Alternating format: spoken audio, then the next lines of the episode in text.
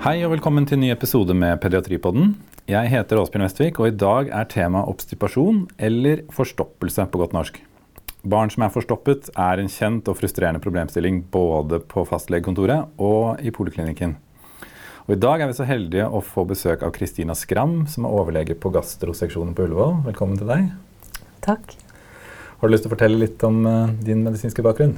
Ja, jeg ble uteksaminert fra Semmelweis i Budapest i 2007.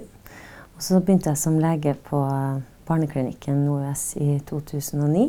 Vært litt både på Ullevål og på Rikshospitalet. Og så har jeg vært uh, overlege på gastroseksjonen på Ullevål nå i to og et halvt år omtrent. Så du er vant til problemstillingen forstoppelse?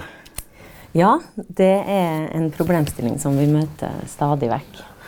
Ja, for jeg føler at veldig mange barn er forstoppet. I hvert fall er det mye spørsmål om det. Hvor mange er eh, forstoppet? Jeg kan vel si at det er flere enn vi tror som er forstoppa. Og man kan av og til få inntrykk av at det er som en folkesykdom blant eh, norske barn. Og enkelte kilder hevder at det er så mange som en tredjedel av alle barn som kan være forstoppa. Er det mer enn voksne, eller er det tilsvarende? Ja, jeg leste litt, på, litt forskjellige tall på det. Men eh, man, eh, et sted så så hevder de at så mange som 20% av voksne forstoppa. Og da er det mest vanlige hos de eldre. Da. Ja. Mm. Så hvor går grensen fra hva som er normal til Eller er det en sykdom?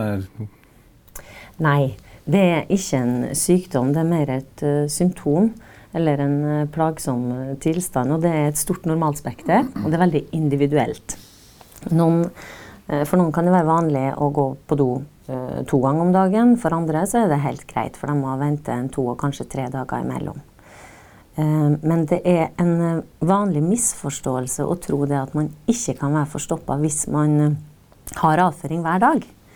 Eh, det kan vise seg, hvis man går litt nærmere inn på det, at det dreier seg bare om noen små, harde klumper. Eller at eh, kanskje barnet har eh, diaré, og foreldrene tenker at da er det i hvert fall ikke forstoppelse. Men så er det nettopp en eh, obstipasjonsdiaré med løs avføring som siver forbi en hard masse da, som blokkerer. For den kan jo være ganske vanskelig å selge inn til spesielt foreldre, kanskje, hvis de har avføring? Ja, det er ofte en utfordring. Og det er gjerne sånn at man eh, verken, opplever ofte at verken foreldre eller fastlege har tenkt på at det kan være en mulighet her. Mm. Så nå har jeg lyst til å først starte med en liten case her. Eh, hvis du f.eks. får en to måneder gammel gutt på, på fastlegekontoret som da fullernæres med morsmelk, som alltid har vært hard og treg i magen helt siden fødsel, hva bør man tenke eller gjøre der, tenker du? Eh, for det første så bør man tenke annerledes når det er et spedbarn som er forstoppa. Da er anamnesen veldig viktig, og da syns jeg at man alltid skal spørre om hvor lang tid det tok før barnet passerte mekonium etter fødselen. Hvis det var forsinka mekoniumavgang, som vi ofte definerer som over 48 timer før første mekonium kom, så er det en økt sjanse for at barnet kan ha en anatomisk eh, variant som f.eks. Eh, morbus hirschsprung. Kan være en eh, årsak til alvorlig forstoppelse som debuterer veldig tidlig. Så hos de aller minste, bør det vurderes på sykehus, eller kan fastleger ta seg av dette, eller helsestasjon? Jeg tenker jo det at det er noe som legene på sykehus bør ta stilling til helst før barnet utskrives fra barsel. Men ofte så skjer jo det veldig tidlig, og da eh, syns jeg òg at det er noe helsestasjonsleger og fastleger skal være klar over. Og, ta, og stille aktive spørsmål omkring, da, og heller konferere med sykehuset hvis man mistenker noe sånt. Mm. For utredninga av det bør skje på sykehuset. Ja. Så det å ha, være helt forstoppet til fra fødsel er jo da ikke et godt tegn. Er det andre røde flagg man bør være obs på ved obstipasjon? Ja, det er det. Um, for uh, hvis man er forstoppet sammen med f.eks. En avflatende vekt- og høydetilvekst, eller kanskje til og med vekttap, da bør man tenke på at dette kan dreie seg om noe annet enn en helt sånn vanlig funksjonell forstoppelse. Også hvis det er nevrologiske symptomer i, i tillegg, eller nevrologiske avvik ved undersøkelse, så bør man tenke annerledes. Og, og så er det sånne som òg på en måte leder oss mot å tenke på f.eks. hirsprung hvis avføringa beskrives som treig og vanskelig, men blyanttynn og kanskje ikke spesielt hard. Det er litt sånn typisk for hirsprung. Mm. Så hvis man da har et barn som vokser normalt, eh, har hatt normal avføring siden fødsel, men som plutselig har blitt forstoppet Man kommer jo langt med anamnese og klinisk undersøkelse. Holder det i utgangspunktet? Kan man tenke at det er en funksjonell forstoppelse, eller bør man ta blodprøver? Som oftest så holder det. Og det er helt klart anamnesen som er viktigst. Og selvfølgelig også undersøkelsen, men det, nøkkelen ligger ofte i sykehistorien. Og um, det var en eh, gjeng fra Espkan og Nespkan som har gjort en ganske omfattende gjennomgang i 2014, hvor man så på øh, og gjennomgikk øh, evidence-based guidelines for hva som bør inngå i undersøkelse og behandling av obstiperte barn. Og da tok man for seg det her med om blodprøver er nødvendig, og da tenker man på allergi, matallergiscreening, man tenker på cøliakiscreening, kanskje stoffskifteprøver, eventuelt elektrolytter, og konkluderte med det at i utgangspunktet, med en vanlig funksjonell forstoppelse, så er ikke det nødvendig å ta i første omgang. Mm. Mm. I tillegg um, så har vi ikke som standard at avføringsprøver skal tas. Og det er heller ingen radiologiske undersøkelser som er um, en um, altså i utgangspunktet en selvfølgelig del av utredninga. Noen ganger så supplerer vi med det etter hvert, men det er sjelden. Og hvis man eh, ber om eh, røntgenoversikt, abdomen eller ultralyd eh, fra røntgenavdelinga, så er det ofte at de er motvillige til å gjennomføre de undersøkelsene, nettopp fordi at det har vært vist at det egentlig ikke tilfører så mye mer enn vanlig klinisk undersøkelse og eh, sykehistorie. Mm. Mm. Så du nevnte en stund. Hvor lenge skal man da behandle eller tenke at det er funksjonelt før man skal gå videre med utredning? Mm. Jeg tenker at um, Det er viktig at vi følger dem med barna nå når vi igangsetter et uh, tiltak. At vi da følger opp uh, hvordan det funker. Um, jeg tenker jo det at uh,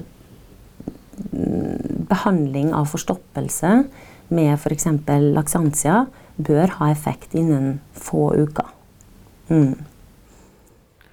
Ja, for laksantia er, en, eh, er det det viktigste tiltaket for å jobbe med det? Man har også en del ikke-medikamentelle mm. tiltak.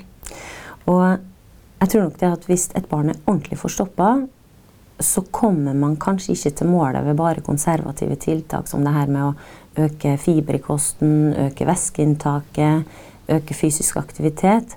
Men jeg tror nok at det kan ha tilleggseffekt. Men har du først en eh, etablert forstoppelse, så tror jeg og mener jeg at man bør behandle med laksantia òg. Og så kan man heller kanskje bruke de konservative tiltakene som vedlikeholdsstrategi, um, da, for mm. å på en måte hindre at man får tilbakefall. Mm. Og når det gjelder laksantia, så er det jo en del forskjellige å gå for der. Movicol er jo en som mange kjenner til. Hvilke, hvilke strategi skal vi ha for å velge? Eh, Movicol bør egentlig være førstevalget i behandling av forstoppelse hos eh, barn. Eh, det er en del forskning på det her som viser at det er effektivt, det er trygt, og det tolereres ofte godt i forhold til bivirkningsprofilen og sånn. Mm. Mm. Så det er vårt førstevalg, og da anbefaler vi egentlig at man litt ut ifra hvilket inntrykk man har av hvor uttalt forstoppelsen er at man velger en ganske høy dose i starten, f.eks. 1 gram per kilo per dag. Og så kan man da etter noen dager, når man har oppnådd en ganske betydelig tømning, gå over til en vedlikeholdsdose. Forslagsvis 0,4 gram per kilo per dag. Mm. Så kan man titrere det litt opp og ned etter effekten. Og så um, bør man egentlig fortsette med det her i en god stund. Veldig viktig å ikke stoppe raskt, og ikke bråstoppe. Man bør i hvert fall fortsette i en to måneders tid, tenker jeg. Ofte mye lenger. Og så bør man eh, trappe ned gradvis hvis man har tenkt å slutte. Og så være rask med å trappe opp igjen mm. hvis man ser at eh, det begynner å gå trått igjen. Mm. Mm. Så på Movicol for eksempel, er det, er det farlig å ta for mye av det? Ja. Altså, de vanligste bivirkningene av Movicol er magesmerter eller luft i magen. Som for så vidt kan være plagsomt, men ikke farlig. Men det er også et, det er et osmotisk eh, legemiddel som virker i tarmen og ikke tas opp i kroppen. Men det trekker jo til seg vann og trekker med seg elektrolytter i tarmen. Og man kan tenke seg at Hvis man tar for mye av det, så kan man potensielt få en elektrolyttforstyrrelse eller en dehydreringssituasjon. Og det er kanskje størst fare for det hos de aller minste. da. Mm. Og det skal nok litt til, men det er på en måte grunnen til at vi setter et tak på dosen. Mm. Mm. Av de andre laksanser, vi har jo laktulose, laksobral, eller klysteros eller klyks. Mm. Hvor, eh, hvor, er de i behandlingsrekken? Jo, altså eh, Laktulose er jo noe som fortsatt brukes en del, og som tolereres godt i forhold til smak og sånn, gjerne hos barn. Det er søt og lett å få i seg. Men mange får eh, mye luftsmerter, vondt i magen, på en relativt lav dose. Og det viser seg, når man har gått gjennom det her sånn forskningsmessig, at eh, det ikke er like effektivt som Movicol. Men det er noe man kan bruke, og det er det som anbefales hvis man av en eller annen grunn ikke kan gi Movicol eller tilsvarende, eller hvis man ikke får tak i det. Mm. Hvis, um, hvis, man da behandler en som er forstoppet, og den har god effekt av Movicol, hvor lenge kan man stå på det før man bør trappe ned, eller bør man trappe ned? Ja, jeg tenker nok at man bør prøve å trappe ned på et tidspunkt, men man skal da ha stått på det tilstrekkelig lenge til at man har vært helt uten forstoppelsessymptomer i minst én måned. Når man har vært det, så kan man prøve forsiktig å trappe ned. Og så, som jeg sa tidligere, at heller da ha lav terskel for å trappe opp igjen. Og være veldig oppmerksom på hvis det plutselig blir vanskeligere å gå på do igjen. Um, jeg tenker det er en, en grei strategi. Og så må man på en måte velge den timinga på å slutte riktig. For Eh, hvis et barn er midt i bleieavvenning og dotrening, så er det et uheldig tidspunkt mm. å prøve å ta bort Movicol på. Da bør man vente til dotreninga er Altså til barnet er bleiefri og kan gå på do. Ja, for akkurat det med bleietrening eller dotrening, det er jo et av de tidspunktene hvor man ofte kan bli forstoppet. Ja, det er eh, typisk. Andre tidspunkter hvor man kan få det, er jo rundt introduksjon av fast føde, som også er ofte en problemstilling man kan møte på, på poliklinikk. Eh, F.eks. hvis du får en ni måneder gammel jente som har startet med å føde for tre-fire måneder siden og blitt veldig hard. Hva, skal man der også da gå rett på Movicol? Nei, jeg tenker da, da Her er tidspunktet anamnesen kjempeviktig. Og som du sa, så er det jo vanlig å være forbigående lett forstoppa idet fast føde blir introdusert. Men hvis det vedvarer og er uttalt og kanskje forbundet med magesmerter eller eksem eller vektavflatning eller andre ting, så må vi tenke på at det kan være noe i den nye kosten som barnet reagerer på. Eh, da kan det typisk være kumelkprotein. Eh, det er gjerne barn som har eh, atopisk eksem i tillegg, som kanskje har en sånn atopihistorikk i familien noen av dem har blod i avføringa, noen av dem har økt gulpetendens. Og eh, kan da ha nytte av å forsøke å eliminere kumelk fra kosten i noen uker for å se om det har effekt. Eh, en annen potensiell forklaring kan være at barnet reagerer på gluten. Det er uvanlig at så små barn utvikler cøliaki, men det går an. Og, og da kan man eh, vurdere da, å ta blodprøve med cøliaki-antistoffer for å se om man får napp på det. Både cøliaki og kumelkproteinallergi er jo store temaer som vi tenker å snakke mer om en annen anledning også. Men eh, hvis jeg går tilbake til det jeg sa, hvis du har behandlet en i flere måneder, og den da ikke er forstoppet lenger, så kan man trappe ned. Men det motsatte, da, hvis man forsøker mange måneder med Movicol i de dosene, de dosene du nevnte, og man ikke kommer i mål, hva skal man gjøre? Gjøre da? Altså jeg tenker, da, man, da, bør man kanskje ta en sånn runde med litt ekstra utredning, som vi snakka om, at som oftest ikke var nødvendig. Men da kan det være eh, grunn for å ta både blodprøver og billeddiagnostikk. Eh, og hvis man da ikke finner noen annen forklaring og tenker at det her er bare en veldig vanskelig eh, funksjonell forstoppelse, så finnes det også andre metoder for å behandle det her. Og da er det, som du var inne på tidligere, muligheter å gi klyster. Um, man kan legge inn barna for en tømming ovenifra, som vi sier. Der man gir store doser laksantia med væske for å skylle gjennom tarmen. Og så finnes det også um, kirurgi som kan være aktuelt for de aller mest plaga eh, barna, ungdommene og voksne. Og da er det det å anlegge en sånn appendikostomi, kanskje, som er det vanligste hvis man skal gjøre kirurgi. Men det er jo eh, en, ja, en, en, omfattende operasjon og innebærer at man har en stomi som man må stelle og ordne med, og at man da skyller og tømmer sjøl, da. Antegrad. Mm. Du sa jo at det var en tredel av barn som var forstoppet. Hvor mange ender opp på det nivået at de må tilby kirurgi? Ja, Det er en uh, bitte liten andel. Mm. Så de aller fleste kommer man i mål med de nevnte tiltakene med eventuelt tømningsrunder og vedlikeholdsbehandling? Ja, hos de aller fleste. Men det er det ene det der at man uh, må eh, behandle aggressivt nok, lenge nok, og det at man bør erkjenne tilstanden og starte tidlig.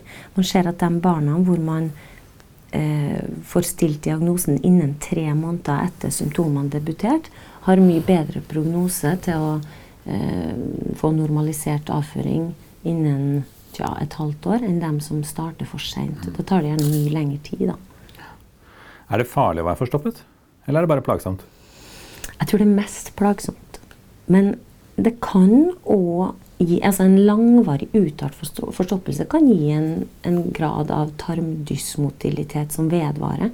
Og man, de her signalene og refleksene i kroppen som skal gi, gi oss beskjed om at uh, rektum er full, og nå bør du gå på do, de blir sløva og forstyrra. Og det eh, er veldig uheldig og kan vedvare i lang tid. Mm. Mm. Uh, er det noe trend i det her? Er det flere som blir forstoppet, eller? Altså man kan få følelsen av at forekomsten øker. Og i, på Universitetet i Tromsø så var det noen som så på det her og gjennomgikk antall innleggelser med forstoppelse på barneavdelinga der i sammenligna perioden fra 1999 til 2007 mot perioden 2008 til 2015. Og da fant man at det var en signifikant økt andel innleggelser. Eh, og det stemmer kanskje litt med det inntrykket som, som vi kan ha. Men eh, det har vel eh, kanskje dels med det at Altså innleggelse for forstoppelse skal jo være skikkelig forstoppa. Da tenker jeg at da er det kanskje da burde det kanskje ha vært oppdaga tidligere og behandla tidligere før det kom så langt at det, at det skorter litt på det. Um, også det der med at kostholdet til barn og unge har endra seg. Uh, de er mer inaktive enn før. Og, og plutselig så har barn har gjerne veldig travle dager med masse aktiviteter. og Det går slag i slag. Og jeg tror mange har vanskelig for å finne på en måte tid og rom for å faktisk uh, gå ordentlig på toalettet. Mm. Mm. Så kroppen sier ifra? Ja, jeg tror det. Jeg syns dette var veldig nyttig. i hvert fall. Lært masse. Takk for mange gode svar, Kristina. Eh, mange syns kanskje at uh, obstipasjon er et tørt tema. Klarer du til slutt å presse ut tre take home messages? ja, det kan jeg gjøre. Um, det jeg vil da vil si, er at man må huske at det her er en veldig vanlig tilstand. Hos et barn med magesmerter så bør det være egentlig øverst på lista over potensielle differensialdiagnoser.